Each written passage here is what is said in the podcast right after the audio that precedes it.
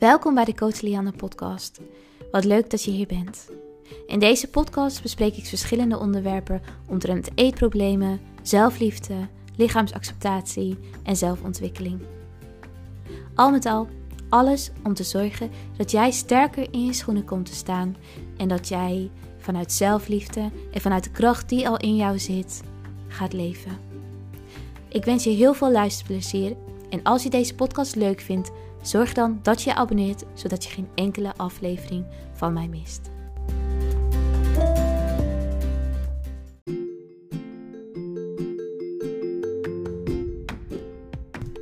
Welkom bij de eerste aflevering van de nieuwe podcastserie My Story hier op Coach Lianne.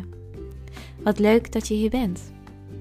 In de serie My Story laat ik jullie aan het woord, jullie luisteraars die in gevecht zijn of zijn geweest met een eetprobleem, een depressie, het verwerken van een trauma, met een verstoorde relatie tot voeding, een verstoorde relatie tot jezelf en een verstoorde relatie tot je lichaamsbeeld. In deze eerste aflevering ga ik in gesprek met Shanna. Shanna is een jonge meid van 24 jaar die zelf in gevecht heeft gezeten met een eetprobleem. En vanuit haar ervaring deelt zij hoe zij is hersteld en wil zij dit ook graag delen met jullie. Shanna is een hele mooie sterke meid en ik vond het heel erg leuk om met haar in gesprek te gaan. En vanuit haar ervaring en mijn ervaring denk ik dat jullie heel veel tips en handelingen en tricks kunnen meenemen uit deze podcast. Het mooie was dat we het ook hadden over in je lichaam komen, over zelfliefde en over wat nou eigenlijk echt werkt in herstel van een eetprobleem. Ik wens je heel veel luisterplezier en nogmaals, vind je deze podcast leuk? Zorg dan even dat je je abonneert, zodat je geen enkele aflevering van de serie My Story gaat missen, want er komen nog heel veel mooie verhalen aan.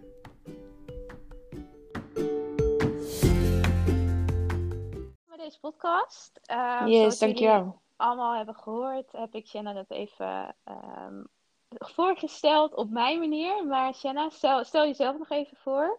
Wie ben je? Wat doe je? En uh, ja, waar gaan we het over hebben in deze podcast? Nou, uh, hallo. Ik ben Shanna, Shanna Lavrijse. Dit is even ongemakkelijk, maar goed, we moeten er even in komen.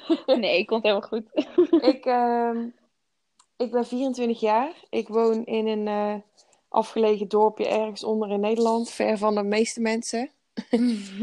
Op dit moment wel het dorp met uh, behoorlijk wat corona-aantallen, dus we worden toch nog enigszins berucht en bekend.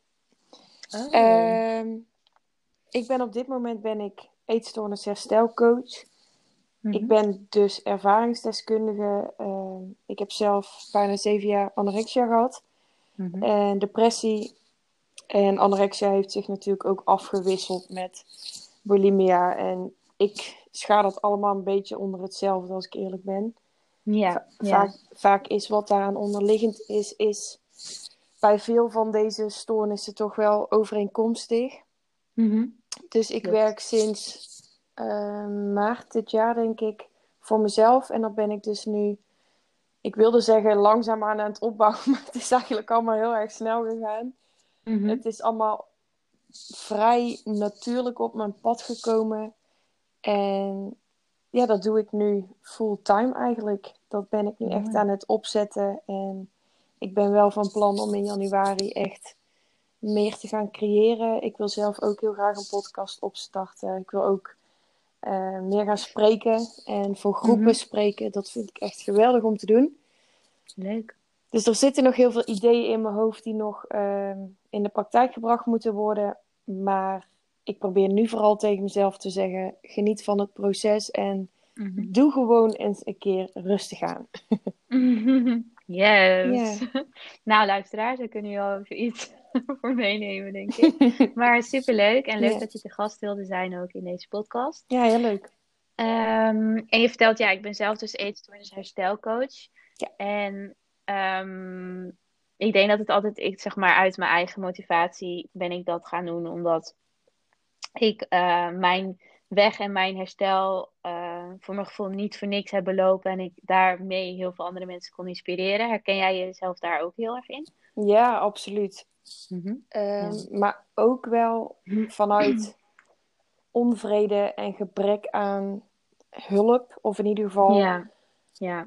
Eh, Kennis ja, kennis en de juiste hulp en ervaring. Ehm, ik moet eerlijk zeggen, ik heb heel erg veel gehad gewoon aan YouTube en social media. Daar zijn een Ja. aantal mensen geweest, onder andere Tabitha Farrar, die mij Ja. ontzettend geholpen hebben in mijn herstel. En waar ik eigenlijk voor het eerst pas echte erkenning vond voor dingen waar ik tegenaan liep, waar ik nog nooit eerder van gehoord had. Mhm. Dus het is ook wel een beetje, enerzijds natuurlijk, zo van ik heb dit niet voor niks meegemaakt en ik wil hier iets mee doen. Dit is mijn eh, missie en mijn purpose op deze aarde. Ja, Maar ook wel het stukje hier en hier ben ik tegen aangelopen en ik wil hier verandering in brengen. Dat ik hier wel hulp in kan bieden. ja, dat herken ik. Dat, was, dat is Ja. en was ook inderdaad mijn grootste motivatie. Ja. ja klopt. Mooi. Leuk. Ik denk dat we heel erg op elkaar lijken daarin. Ik denk het ook. We zijn, Ja. ik denk dan maar zo, we zijn niet voor niets op elkaars pad gekomen. Exact, Ja. maar ook eh, in mijn ogen heel erg eh, random, maar zo gaat het toch met Instagram. Dat je, dat je aan het scrollen bent en opeens zie je iemand en denk je, oh wat interessant, Ja. wat leuk, oh ga ik volgen. En dan eh, kom je zo bij elkaar uit. Ja, En ook daarin, je bent, ik geloof niet in concurrentie, maar ik denk dat je heel erg veel van elkaar kunt leren. ja En, precies. Ehm, er zijn zoveel mensen die geholpen kunnen worden eh, door wat wij doen. Mhm. En dat kunnen we niet alleen. Nee, ja, weet je, Ehm, wij, hebben een, ja. wij hebben in tegenstelling tot reguliere instellingen, naar mijn mening, een net iets andere visie of een uitgebreidere visie, of hoe je het ook wilt noemen. En Ja.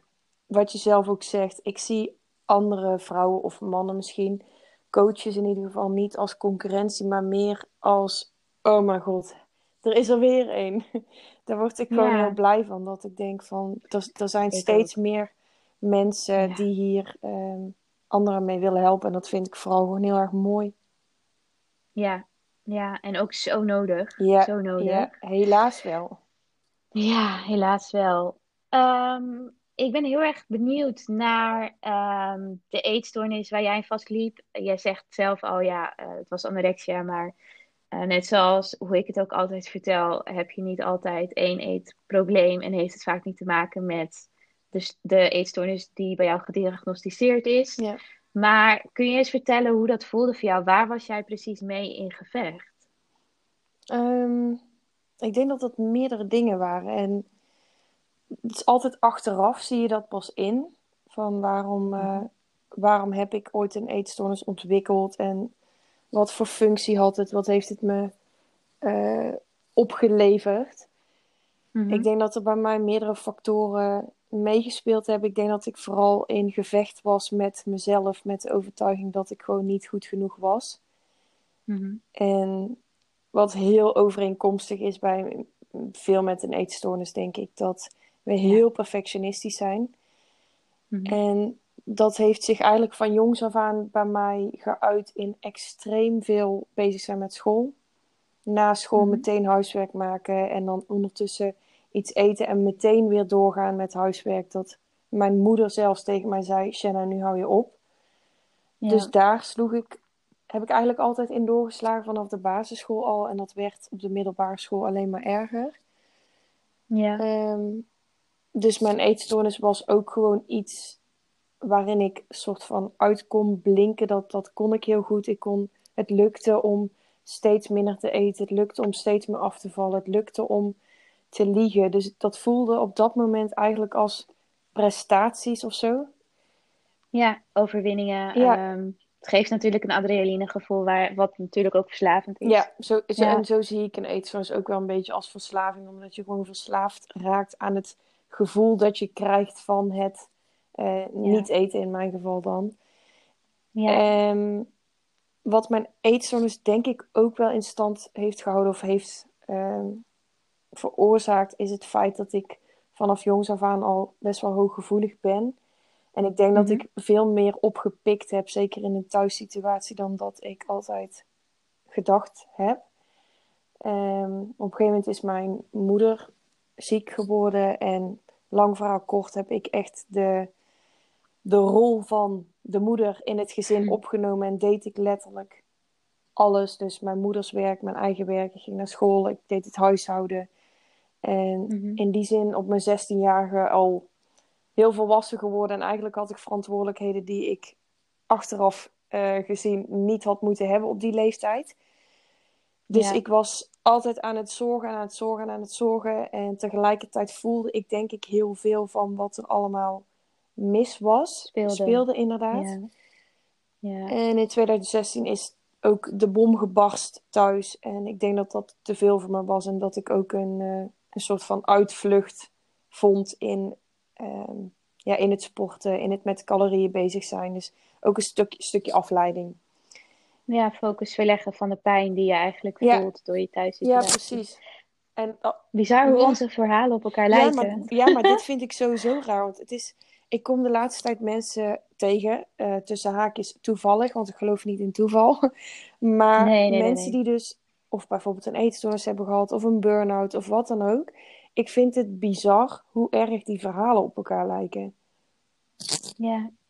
ja, het zijn wel heel vaak de grote raakvlakken. En ehm, ook wel dingen waar denk ik heel veel mensen tegenaan lopen. Mhm. En dan hebben wij bijvoorbeeld een eetprobleem gecreëerd. Maar eh, andere mensen gaan natuurlijk een hele andere uitvlucht eh, zoeken. Ja. Ehm, Ja. En je vertelt, je was natuurlijk heel jong eh, toen jij al echt de zorg voor het gezin en het werk wat je deed en school, dat het allemaal misschien wel perfect moest Ja. zijn. Heb je het gevoel dat je ooit kind bent geweest? Mooie vraag. Ik heb Hm. wel het gevoel dat ik ooit kind ben geweest. Mhm. Ik kan me namelijk wel herinneren dat ik gewoon eh, opgegroeid ben in een tijd dat social media eigenlijk nog niet bestond. En dat het vooral gewoon heel veel buitenspelen was. En gewoon met kindjes uit de buurt en plezier maken en hutten bouwen en spelletjes spelen in de buurt. Dat kan ik me nog heel goed herinneren van mijn jeugd. Eh, dus dat gevoel van dat onbezorgde kind zijn, dat heeft er wel gezeten. Maar Mhm. ik denk wel, als ik het vergelijk, denk ik met andere kinderen, dat ik wel in een bepaalde mate al volwassener was dan de rest. Dus in mijn beleving heb ik Ja. wel een kindertijd gehad.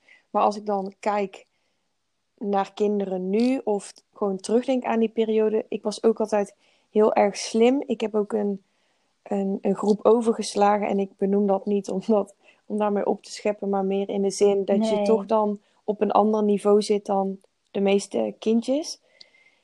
En dan Ja. dat stukje eh, hooggevoeligheid, wat zich bij mij geuit heeft in ook wel onrecht aanvoelen. Als ik merkte dat er iets niet klopte of kindjes werden buitengesloten, dan was- ik wel altijd meteen degene die daar, ja, die dan die gepeste kindjes weer eh, mee terugtrok in de groep. Maar om Mhm. direct antwoord te geven op, op je vraag, ik heb wel het gevoel dat ik kind ben geweest, maar ik denk ook wel dat ik als kind zijnde meer gevoeld en gezien en gehoord heb dan wat tussen haakjes een normaal kind meemaakt, wat dat dan ook betekent, normaal. Ja, Ja. nou ja, normaal is het natuurlijk Ja, heel relatief. precies.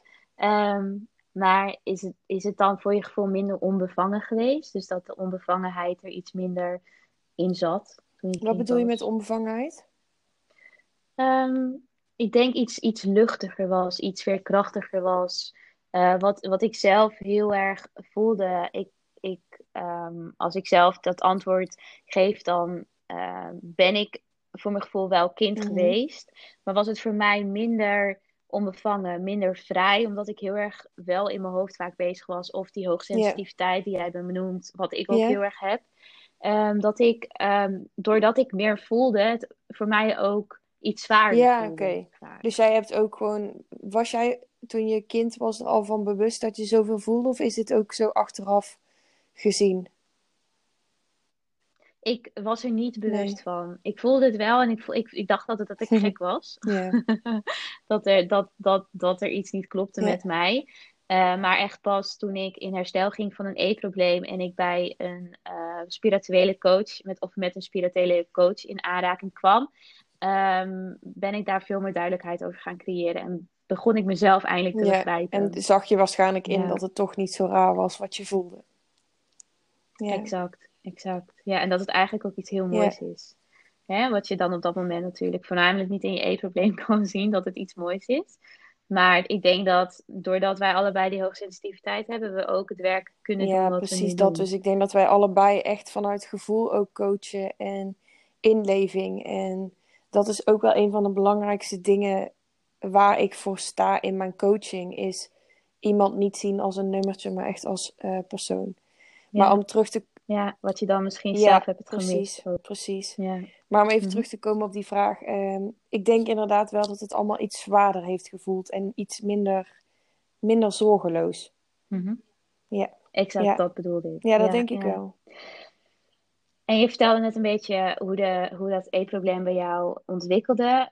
Hoe heb jij dan ooit die stap genomen om hulp te zoeken? Wat maakte het erna dat je dacht, nu heb ik hulp nodig? Of was het meer uit je omgeving die zei, Shanna, er Mhm. gaat iets niet goed, eh, we moeten hulp zoeken. Ja, ik heb eigenlijk in ehm, 2013 heb ik een, een eetstoornis ontwikkeld.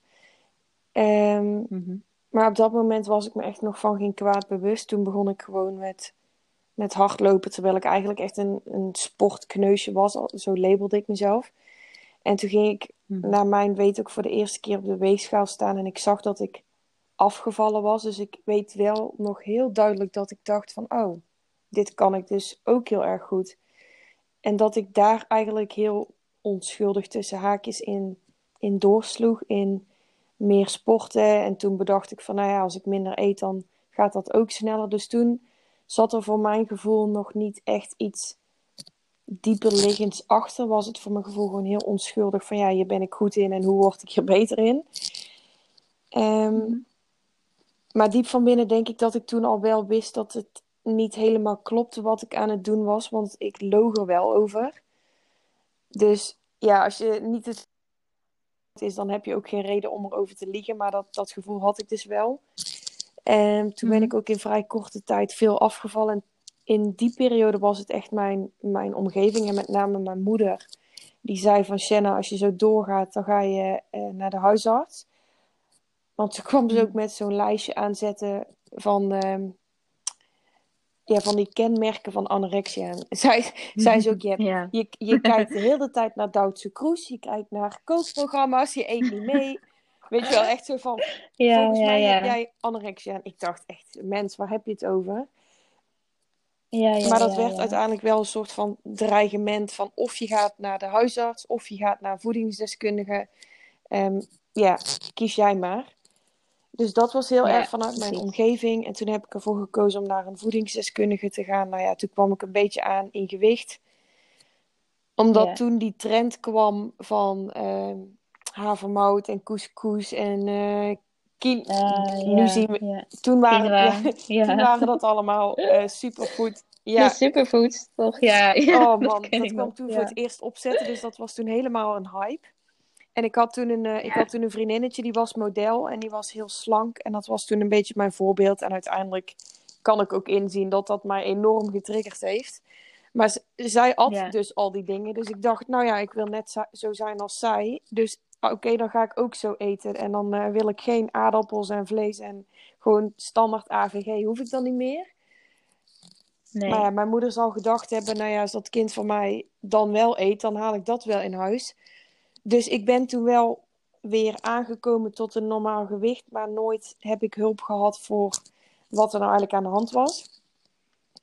Mhm. Ehm, toen heb ik eigenlijk een beetje twee jaar lang doorgekacheld, gewoon op gezond gewicht. Wel kwam ik in aanraking met krachttraining, wat vrij obsessief werd. En ook van die regeltjes van geen koolhydraten met het avondeten. Dus het leek allemaal vrij goed te gaan. Maar als ik zo terugkijk, dan denk ik, nou ja, het was gewoon een eetstoornis in een ander jasje. Ja, precies. En in 2016, drie jaar later, eh ging mijn ouders scheiden. En toen barstte de bom, wat ik net ook al benoemde. En toen merkte ik Ja. dus aan mezelf dat ik dus weer die gedachten kreeg die ik toen ook kreeg. En toen heb ik eigenlijk meteen zelf aan de bel getrokken. En als ik eh, dit nu, nu benoem, dan begin ik eigenlijk weer te koken. Want toen heb ik me dus aangemeld voor eh, behandeling. En toen bleek voor dat jaar bleek, eh, het budget van het CZ bleek op te zijn. Dus dat, dat Oh. duurde drie maanden voordat het nieuwe jaar weer startte. En toen was het januari en toen kreeg ik dus een brief dat ik eh, over 23 weken wel eh, in behandeling kon. Nou ja, in die periode ben ik dus heel erg hard achteruit gegaan. Maar ik heb altijd wel zelf hulp gewild en ook beter willen worden, ja. Ja, Ja. ja, want het is eigenlijk heel sterk ook als je zelf aangeeft van... Oké, ik merk dus dat ik, dat ik die gedachten weer krijg en dat ze heel sterk worden. Ja. En dat ik dus obsessief bezig ben met sporten. Ja. En eh, mijn gedachten weer de hele tijd naar eten toe gaan. En ik eh, restrictief ben, dus ik wil hulp. En dan is het echt een ontzettende grote domper dat je dat dan niet ja krijgt. jeetje, daar ben ik echt ontzettend boos om geweest. Ja, Gewoon verdrietig eigenlijk, want het had gewoon En- niet zo ver hoeven, niet zo ver hoeven gaan. Wat maakte het er daarna dat, je, dat het dan slechter ging? Dat, was het dan omdat je dan geen hulp kreeg, waardoor je dacht, laat het maar? Of was het gewoon zo sterk dat, je da dat het zelf niet lukte? Ehm, dat laatste vooral. Dat ik echt Ja. heel erg geprobeerd heb om mijn hoofd boven water te houden. Maar toen bestond Instagram en YouTube eigenlijk ook in ieder geval niet ehm, in die zin dat er een herstelcommunity was. Dus ik had echt niks om me aan vast te houden. Mijn moeder wist ook niet Hmm. wat ze moest doen. Ik wist zelf niet wat ik moest doen. Ik hoorde alleen maar 24-7 een soort van eh, monster in mijn hoofd. Die zei wat ik wel en niet mocht doen. En als ik daar dan ook maar een beetje Ja. tegen inging, ja, je weet hoe het is, hoe je dan zo schuldig te voelen. Dus ik denk dat ik, ehm, ik denk dat ik gewoon niet wist hoe ik daar tegen in moest gaan. Ik had denk ik gewoon niet de juiste support of tools om te weten van, nou ja, Shanna, nu weet ik, hè, opposite actions en zit het uit. Ehm, maar Ja. dat wist ik toen niet. Nee. Nee.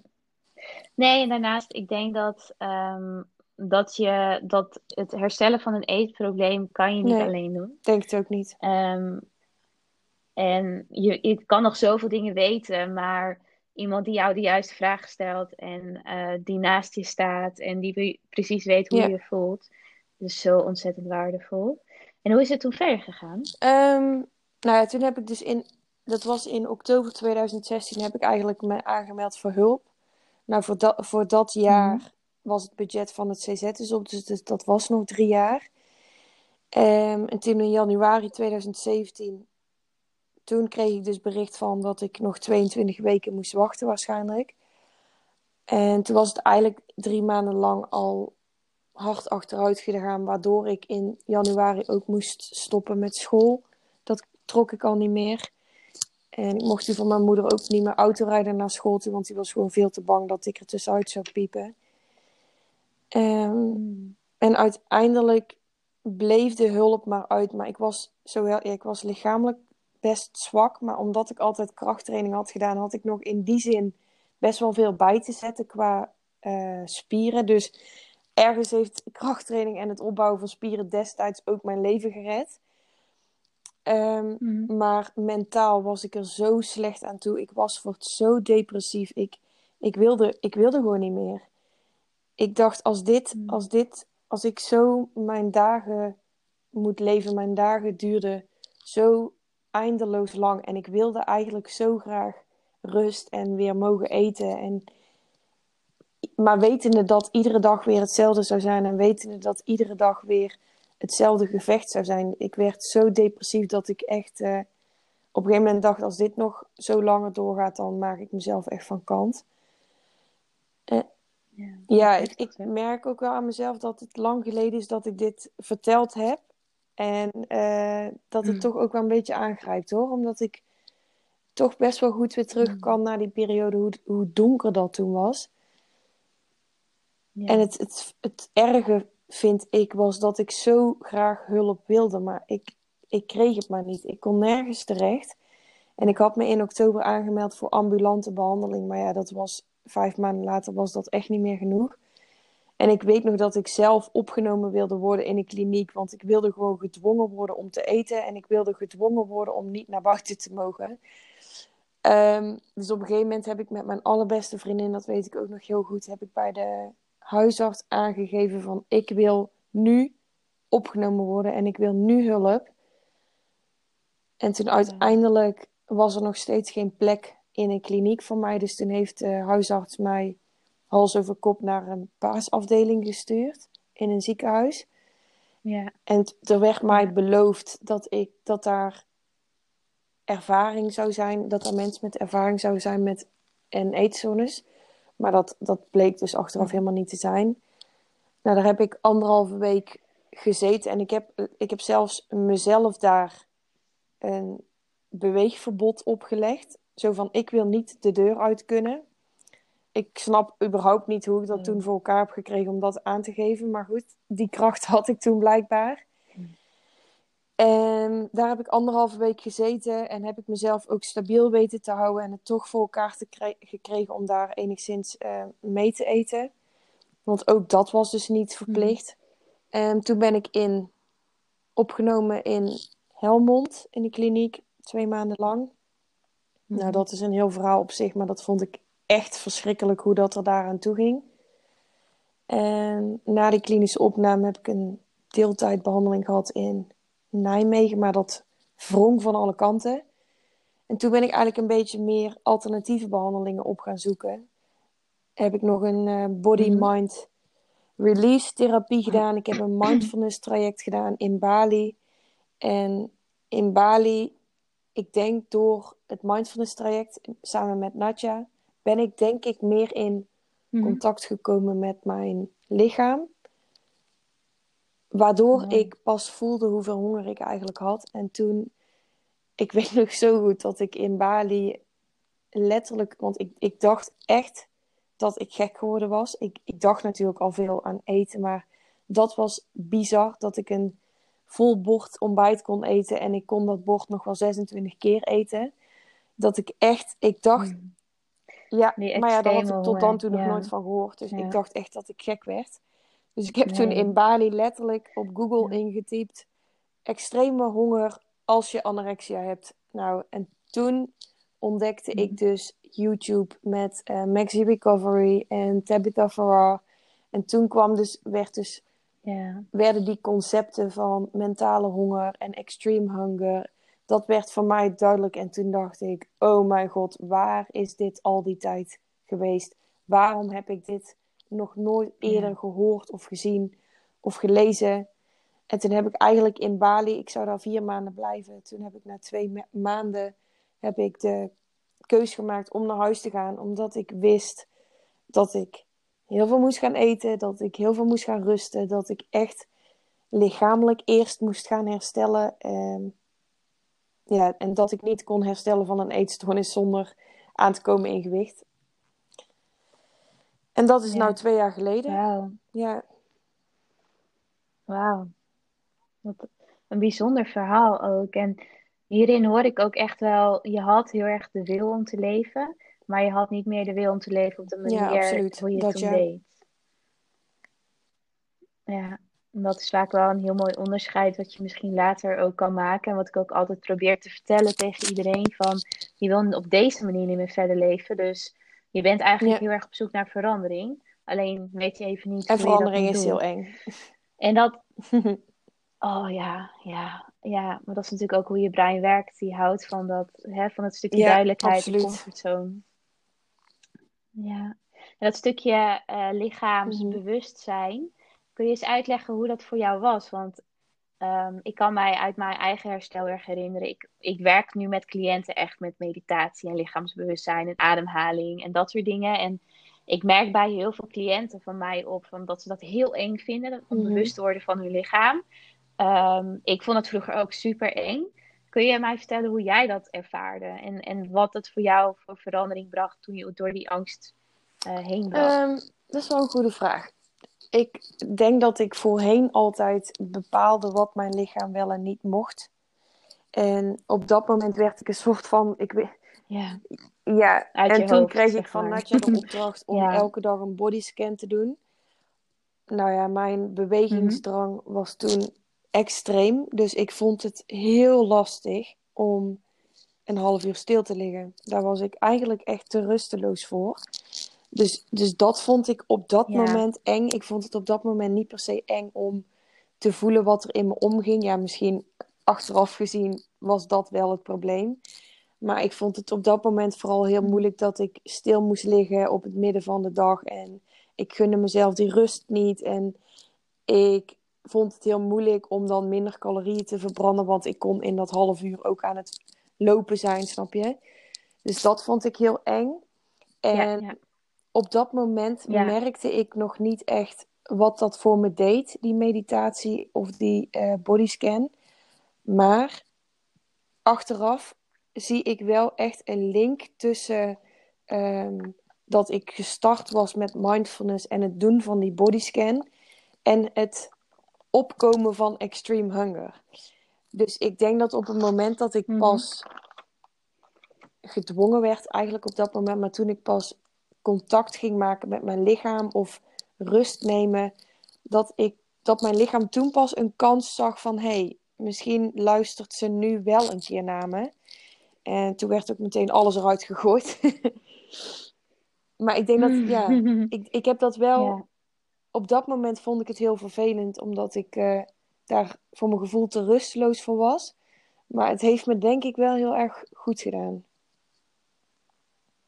Ja, ja omdat je dan de ruimte gaf aan je lichaam om zich signalen af te geven waar, waar, waar je lichaam eigenlijk behoefte ja, aan en had. ik denk, ik denk dat het voor uh, cliënten of in ieder geval voor mensen met een eetstoornis, dat, dat dat ook hetgeen is waar ze bang voor zijn. Dat ze bang zijn om te voelen hoeveel honger ze hebben en hoe moe ze zijn.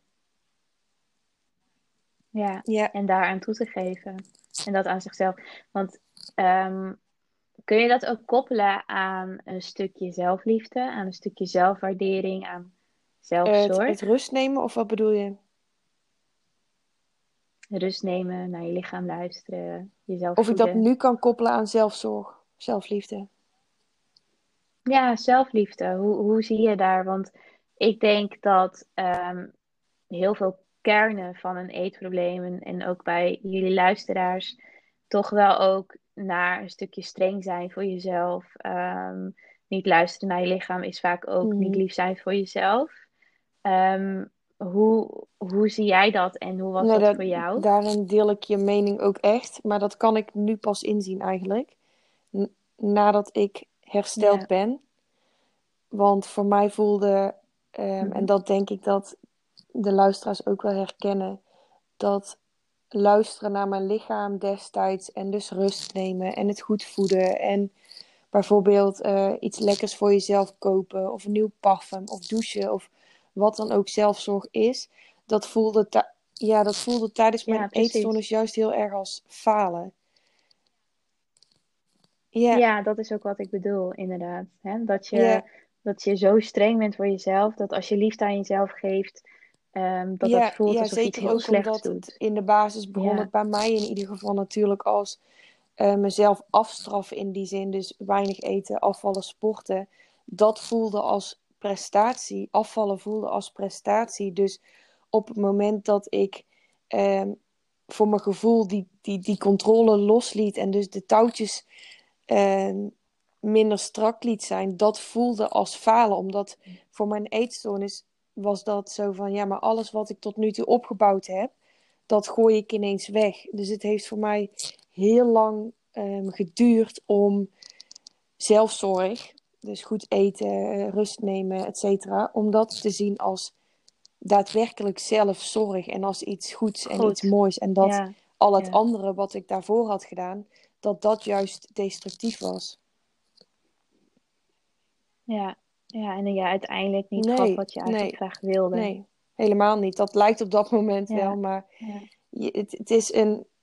Het, het, eetstoornisgedragingen zijn een, een quick fix. En wat je daar straks zelf ook zei, een soort van verslavend gevoel. Het geeft je een high. Het is even een momentje fijn, maar de echte behoefte die je hebt is vaak gezien worden, liefde voelen, warmte voelen, zelfzorg, dat is vaak hetgene waar je echt behoefte aan hebt. Maar dat, dat kun je of wil je vaak niet voelen op dat moment. Nee. Nee, want dan schroomt het niet meer wat je eigenlijk een lange tijd hebt gedaan of een lange tijd hebt geloofd. Ja, ja. Gek, hè? Ja, en als je dan. Ik... Bizar eigenlijk hoe dat dan, hoe je brein werkt en hoe het soms zo kan zijn dat je in een bepaald patroon eigenlijk compleet jezelf verliest. Of eh, waarom je op deze wereld of hoe je op deze wereld Ja, ik vind het ook gewoon heel. Ik weet Ja. niet of jij dat ook wel eens hebt, dat als je nu gewoon terugkijkt op die periode, dat je dan.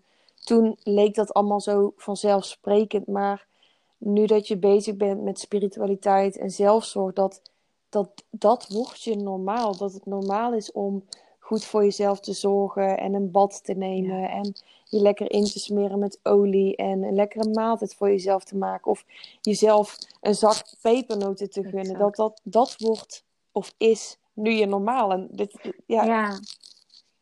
Dat je het niet eens meer ziet als gunnen, maar als een Ja, normaal maar- ding waar ja. je niet meer over nadenkt. Maar vind jij het dan niet raar om terug te kijken op die periode en te denken van hoe, hoe heb ik dat mezelf ooit zo kunnen ontzeggen? En waarom dacht ik toen dat dat het juiste was om te doen? Mm, nou, voor mij is het nu echt al veel langer geleden. Al wel meer dan tien jaar geleden. Ongeveer tien jaar geleden. Dus voor mij voelt het Ja, echt alsof het een heel ander leven was. Ehm, en ehm, ik kan er nog wel eens over nadenken. En denken, hoe heb ik toen echt kunnen overleven? Eh, hoe heb ik alles nog kunnen doen op, eh, op, op zo'n laag eh, gewicht? Ehm, maar voor mij voelt, omdat het echt al tien jaar geleden is, voelt het echt alsof ik Mhm. een heel ander mens was toen. En Ja. begrijp ik wel dat meisje. Ik begrijp haar heel goed. Ik begrijp heel goed waarom ze Ja. deed wat ze deed, omdat ze het gewoon niet beter wist. Ik heb heel veel compassie voor haar. En, ehm, maar ik begrijp gewoon niet hoe ik het heb kunnen volhouden. Ehm, en ik, ik, ik sta soms wel echt van te kijken Oh hoe fucking sterk een lichaam is. Hoe fucking sterk ik was. Hoe fucking sterk jij ook bent met wat je nu vertelt. En ehm, ook hierin denk ik dat heel veel mensen er wel iets aan kunnen hebben. Dat ehm, hoe diep je ook zit, Mhm. ehm, je bent heel sterk en je kunt eruit komen als je daar ook daadwerkelijk voor kiest en, en je angst aangaat. En ja, dus nee, ja, ik, ik, het enige waar ik dus versteld van sta, wat ik net ook zei, Ja, dat is hoe bizar, fucking sterk een lichaam is. En dat je ook Ja, in een korte ja. periode best wel veel kan Maar veranderen. dat is het. Als je, daar, zelf, als je dat zelf, zelf wil. echt willen. Hmm, ja, ja. En als je eens kijkt naar eh, ehm, je lichaamsbeeld, wat betekent dat stukje accepteren van je lichaamsbeeld voor jou? Is het ook iets wat bij jou eh, iets was waar je heel veel moeite mee had in je herstel? Want ik krijg daar super veel vragen over van Ehm, luisteraars ook. Ik heb daar heel veel moeite mee gehad, ja. Vooral omdat wat ik net Hmm, eh, vertelde, dat je hebt zo lang, althans ik heb zo lang gehandeld naar het idee dat ehm, niet eten, dat minder eten, dat afvallen, dat dat iets goeds was. En ik haal, daar, daar baseerde Ja. ik ook echt mijn eigenwaarde op van hoe meer ik afval of als ik dit of dit niet eet of als ik zoveel beweeg, dan ben je goed bezig en dan ben je dus een goed mens. Dus in herstel moest ik het tegenovergestelde gaan doen van wat ik altijd deed. Dus dat voelde ook op tegenovergestelde manier. En dat voelde dus heel erg slecht. En omdat mijn eigenwaarde ook afhing van hoe ik eruit zag, viel dat ook weg in herstel. Want mijn lichaam, zoals ik dat toen altijd gehad had, dat, dat dunne lichaam, dat veranderde ineens. En ik vond het heel erg lastig om het veranderen van mijn lichaam te zien als iets goeds. Dat voelde, dat heeft ook heel lang als falen gevoeld. En daar heb ik tijdens mijn herstel wel ehm, heel veel moeite mee gehad, ja. ja. Zeker omdat ik ook echt wel heel erg veel aangekomen ben. En het ging af en toe ook gewoon heel erg snel. Dat mijn... Dat Mhm. ik mentaal wel sterk was, maar mijn lichaam veranderde sneller dan dat ik mentaal bij kon benen, zeg maar. Ja, ik denk dat heel Ja. veel eh, luisteraars hier zich wel in kunnen vinden. Ja, ja. En hoe, hoe heb je dat kunnen accepteren? Of is dat voor jou nog iets waar je heel erg mee bezig Ehm, bent nou ja, zoveel, sowieso op dit moment accepteer ik mijn lichaam volledig. Ik, ik hou van mijn lichaam. Ik vind het niet altijd mooi, Ja, maar ik accepteer het wel echt voor wat het is. En ik haat het ook echt niet meer. Dus daar voel ik heel veel berusting in.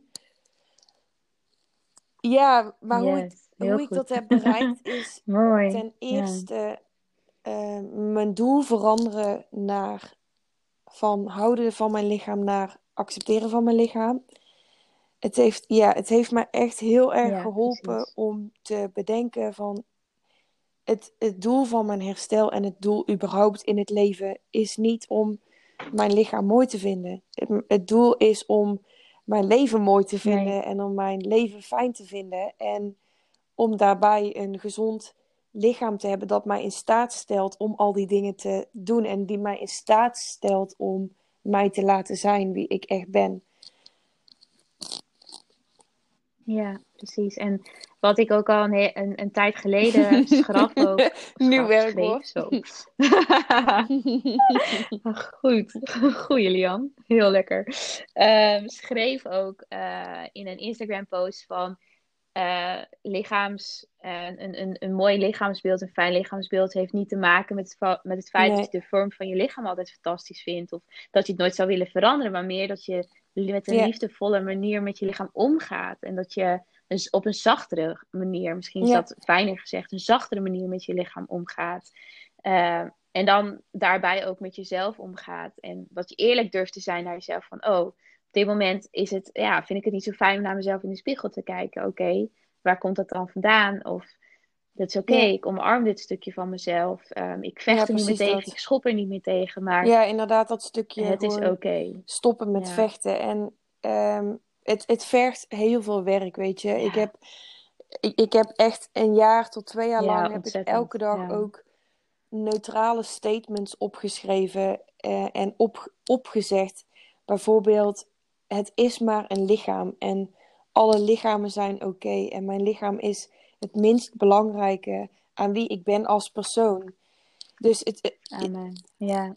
nee, ja, en dat nee, heeft niks precies. te maken met mijn zelfwaarde. Of niks te maken met wat ik kan. Nee, of wat ik vind het ook wel heel mooi dat je deze ben. vraag Ja, stelt. Want mooi. ik krijg regelmatig ook die vraag van ja, hoe accepteer jij je lichaam? En ik heb het gevoel dat ze verwachten dat ik dan één antwoord geef of één opdracht geef van nou, als je dit doet, dan accepteer je lichaam. Maar dat is echt een proces waar je doorheen moet. Ja, en misschien is het wel niet echt. Ja, precies. it- Ja. It's a never ending journey, misschien wel. Ehm, ik zeg ook altijd dat ontwikkeling en, en zelfliefde of eh, zelfontwikkeling is een never ending journey. Ehm, ik ben daar, ik, ik, ik ben nog steeds, eh, Ja. ben ik weer Ja, met ik een nieuwe coach aan de slag om mezelf te ontwikkelen Ja, en te ontwikkelen in mijn, in mijn werk en te ontwikkelen in mijn bedrijf Every en dat coach soort needs a dingen. coach. Ehm, ja. Exact, ja, precies. En zijn er dan op dit moment nog dingen waar je je onzeker over dat verschilt heel erg per moment. En dat wil ik nog wel even koppelen aan het stukje Mhm. lichaamsbeeld. Wat mij heel erg hielp en helpt, is je lichaamsbeeld zit niet in je lichaam, maar in je hoofd. En Ja, ja, ja, Ja, dit echt, als je je lichaam dat er vaak Ja. gewoon iets is waardoor jij niet lekker in je vel zit. Wat je projecteert in je op je lichaam. Want ja, we hebben geleerd en we worden nog steeds eigenlijk gebombardeerd met het idee dat je, als je je lichaam maar fixt, zo gezegd, dan is het probleem opgelost. Maar het lichaam, je lichaam is het probleem niet en het is ook niet de oplossing. Ehm, nee, nee, dit is wat ik net Oh, ook heb geschreven voor mijn intuïtief eten programma. Van, ja, en, Ja. en waar ik natuurlijk zelf ook heel veel over deel Ja. op Instagram. Je, je lichaamsbeeld begint in je brein. Als je daarmee aan de slag gaat, en dat is ook wat ik altijd zeg, is oké, als ik in de spiegel kijk en ik kijk naar mezelf en vind mezelf ja, even, dat, ik, dat ik het gewoon moeilijk vind om te accepteren, dan vraag ik aan mezelf. Oké, je stapt even weg bij de spiegel. Waar voel je op dit moment niet lekker over? Wat is er aan de hand? Hoe is je dag geweest? Hoe was het gisteren? Hoe voel je? Hoe ben je opgestaan? En dan komt er bij mij heel vaak een antwoord: Oh ja, ehm, je had een, een naar gesprek met iemand. Of oh, eh, het regende en je voelt je daar gewoon even heel chagrijnig over. Of, hè? Het, het Nee. heeft niks te maken met hoe je lichaam eruit ziet of ehm, wat, wat de reflectie is in de spiegel, maar het heeft te maken met hoe voel ik mij, wat, wat, wat is er gebeurd in mijn leven.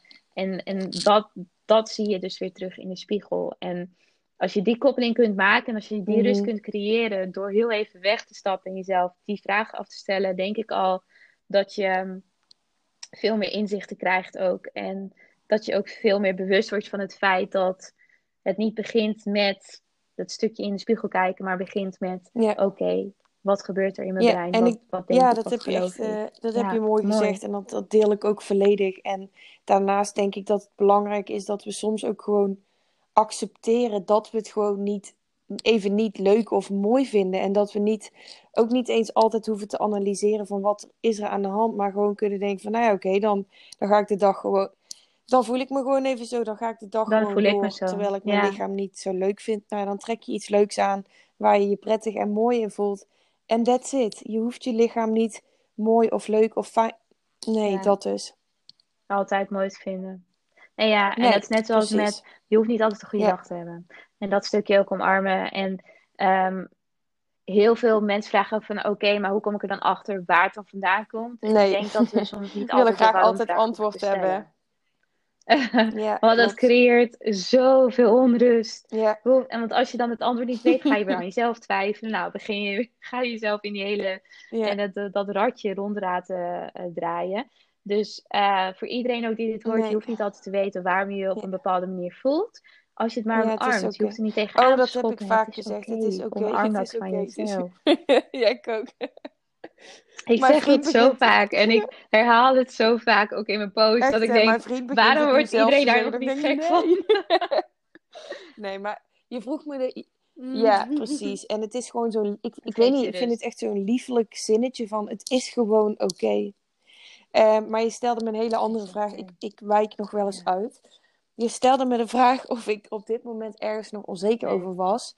Ehm, ja. En ik ben nog wel eens onzeker in de slaapkamer over mijn lichaam. Met betrekking tot mijn vriend. Maar ook dan weet ik van... Dit Mhm. hangt vaak af van hoe ik me voel. Maar waar ik me denk ik nog wel, ehm, naar mijn mening, iets te onzeker over voel, is vaak ook over mijn kunnen. Dus gewoon over. Kijk, ik ben nu pas relatief kort gestart met coaching. En ik merk gewoon aan mezelf dat ik nog te veel twijfel aan. Doe ik het wel goed genoeg? Heb ik wel een goed plan? Eh, moet ik er niet iets meer voor doen? Zijn mensen anderen niet beter? Dus ik merk dat daarin nog wel, eh, dat ik daarin, naar mijn zin, te onzeker ben. Heb jij dat ook? Ja, maar Ja. ik denk dat dat eh, in het begin heel erg. Ja. En zo nu en dan komt die onzekerheid wel weer terug. Maar ik weet ook dat het iets is van mijn innerlijke kind. En ehm, dat, dat zij daar die onzekerheid heel erg eh, in voelt. Leg eens uit. Maar daarnaast. Het innerlijke ehm, kindstukje? Ik weet, als, als, als, als kind was ik heel erg onzeker. En, en had ik altijd het gevoel dat ik het niet goed genoeg deed. Dat ik meer moest doen. eh, dat ik altijd tekort deed. En zo nu dan komt die onzekerheid weer naar boven. En dan kijk ik wel eens terug naar alle dingen die ik al heb gedaan. Dan denk ik, nee Lian, you got this. En je doet het. En ehm, natuurlijk komt er nu en dan die onzekerheid naar boven. Ik ken vrienden van mij die een eigen bedrijf hebben. Die hebben dat precies zo. ja. Terwijl ze in mijn ogen, in mijn beleving, heel succesvol zijn. Ehm, en ik denk dat als je dat omarmt van jezelf en als je jezelf daarin ook liefde durft te geven door te denken, oké, ik, heb, ik voel hem vandaag niet, oké, prima. Ik neem heel even een dag afstand precies. van mijn bedrijf, want ik ben ook nog iemand anders. Hè? Ik ben ook nog Lianne. Ik ben niet alleen maar cozy Lianne, maar ik ben ook gewoon nog mens. Ehm, en ehm, ja, en ik denk ook wel dat het te maken heeft met hoe je jezelf ontwikkelt. En als je daar heel erg intensief mee bezig bent, dan kun je dat altijd weer meegeven aan anderen. En daarbij ook bedenken van, oké, iemand die, bij, Ja, mij ja, in gesprek is, die weet vaak minder dan dat ik weet. Ehm, ja, dus eh, ja, ik herken het wel. En ik heb ook momenten dat ik denk, oké, het gaat niet Mhm. goed. Ik heb geen eh, aanvragen meer, weet je wel. Daar ben ik ook gewoon heel, heel Ja. eerlijk in. Dat ik daar soms ook onzeker van word. Alleen, ik hou van mijn werk en ik hou van wat ik doe. En ehm, soms moeten we minder kijken naar wat je presteert als, als, als, als je Ja. dit werk doet. Maar meer van, haal ik er plezier uit en haal ik Ja, er en dat is energie denk ik uit het allerbelangrijkste er in, in mijn energie werk, uit. in jouw werk. We doen eigenlijk een beetje hetzelfde wat dat betreft. Maar dat je, ehm, dat je energetisch Mhm. gewoon zelf in balans bent. Want als je zelf in de knoop zit of je zit niet op je pad, dan Ja. straal je dat ook uit. En ik denk dat alles dan zoveel meer moeite kost. Terwijl als je zelf in balans bent en goed in je lijf zit. ehm, en voor de luisteraars, daarmee bedoel ik dus niet dat je je lichaam mooi vindt, maar dat je in je lichaam zit.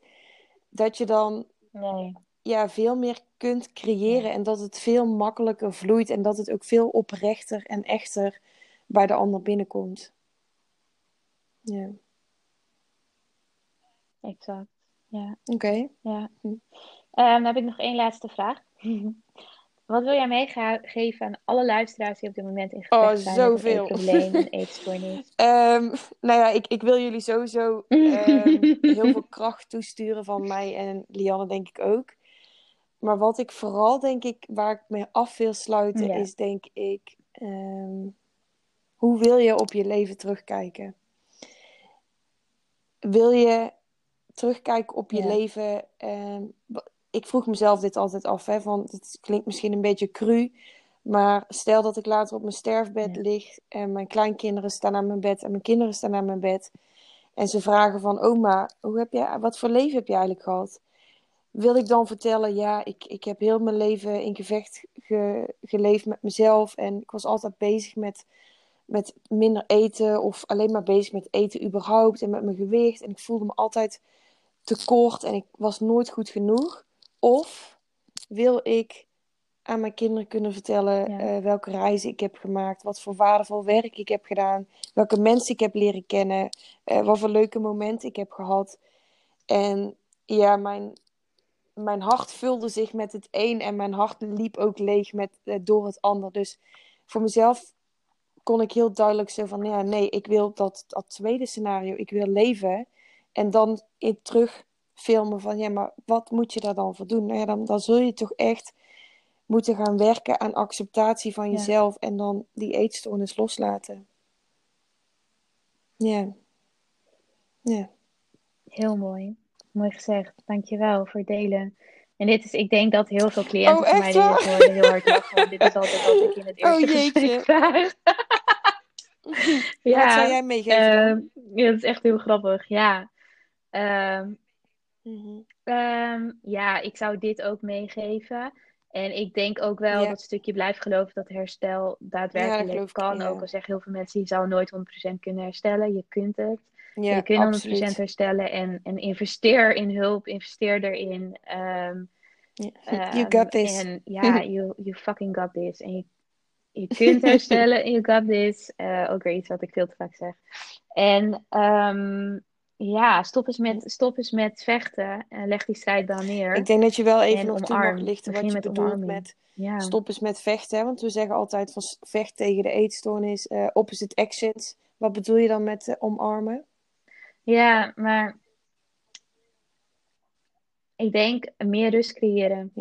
Want ik, ik heb een hele lange tijd echt keihard gevochten, waardoor ik heel veel onrust creëerde. En wat ik Met bedoel met de strijdbal ja. neerleggen, is Ja. meer de strijdbal met voeding, Ja. de strijdbal met jezelf, de strijdbal met je lichaam. Ja.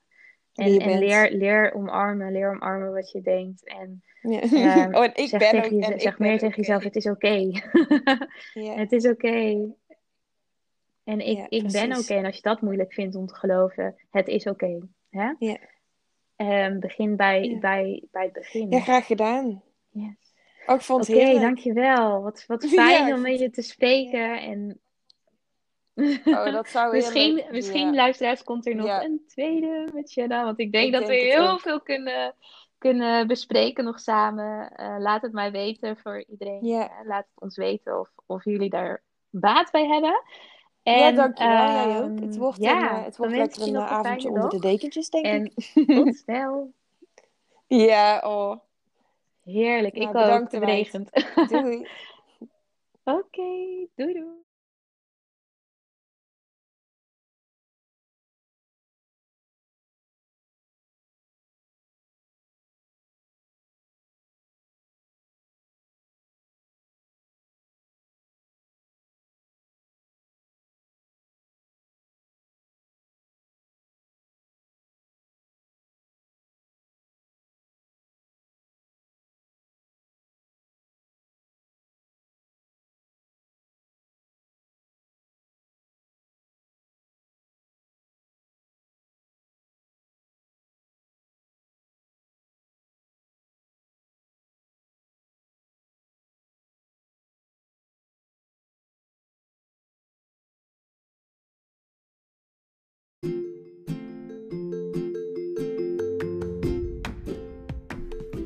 Wil je nogmaals bedanken voor het luisteren naar deze podcast. Mocht je nou fan zijn van deze podcast en dit willen delen met je vrienden, zou ik dat super fijn vinden door dit te doen op social media, zodat we nog meer awareness kunnen creëren rondom een verstoorde relatie tot voeding, sporten en je lichaam speelt. Hoe meer, hoe beter. Daarnaast, mocht je interesse hebben in mijn boek, de online cursus of één op één coaching, ga dan even naar www.coachlianne.nl voor meer informatie. En daar kun je ook het contactformulier invullen en dan kom ik zo snel mogelijk bij je terug.